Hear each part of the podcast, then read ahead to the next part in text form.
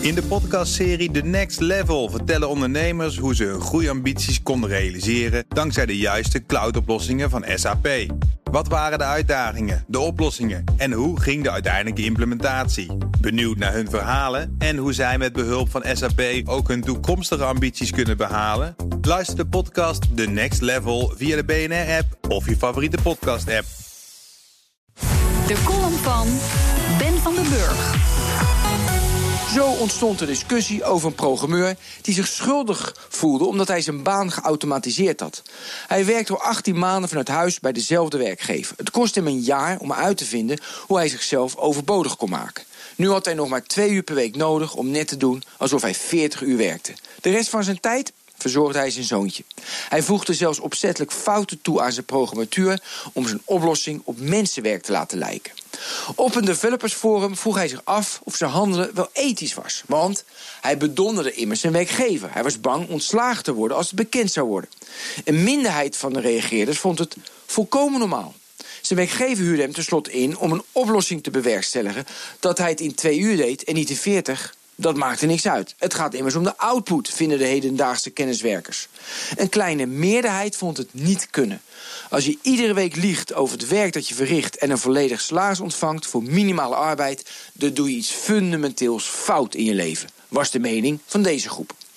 Het spreekt voor zich dat we de kant van de meerderheid kiezen. Die gast snapt er niets van. Toch ligt er ook een probleem bij de werkgever. De jongeman durft het niet te vertellen, omdat hij bang is dat hij ontslagen wordt en zijn werkgever met zijn softwareoplossing aan de haal gaat. Daar zit precies het probleem. Zijn werkgever moet dit soort oplossingsgerichte mannen Ik hoorde eens het volgende verhaal. Twee gepromoveerde natuurkundigen werden door een van de tech-moguls vanaf Stanford aangenomen. Ze verdienden direct ver boven de balkennorm. Ze werden in een kamer gezet. De taak die ze moesten uitvoeren was acht uur per dag op een bestand klikken. Ctrl-C intoetsen, de muis verplaatsen en vervolgens het bestand met Ctrl-V ergens anders neerzetten. De jongens keken elkaar vragend aan. Dit kunnen ze toch niet menen, zeiden ze tegen elkaar, dat we dit moeten doen. Zulk repeterend werk kon iedereen uitvoeren. Ze lieten het niet bij zitten. Na zes weken hadden ze de code af die ervoor zorgde dat ze met hun handen over elkaar konden zitten. Ze hadden zichzelf overbodig gemaakt en kregen vervolgens een nog uitdagende klus voorgeschoteld, waar ze met veel plezier hun tanden op stuk beten. Dus niet alleen de werkgever moet mensen koesteren die de Tayloriaanse werkmethode overboord zetten. Ook de werknemer moet streven zichzelf overbodig te maken, opdat hij eeuwig uitdagende vraagstukken mag oplossen.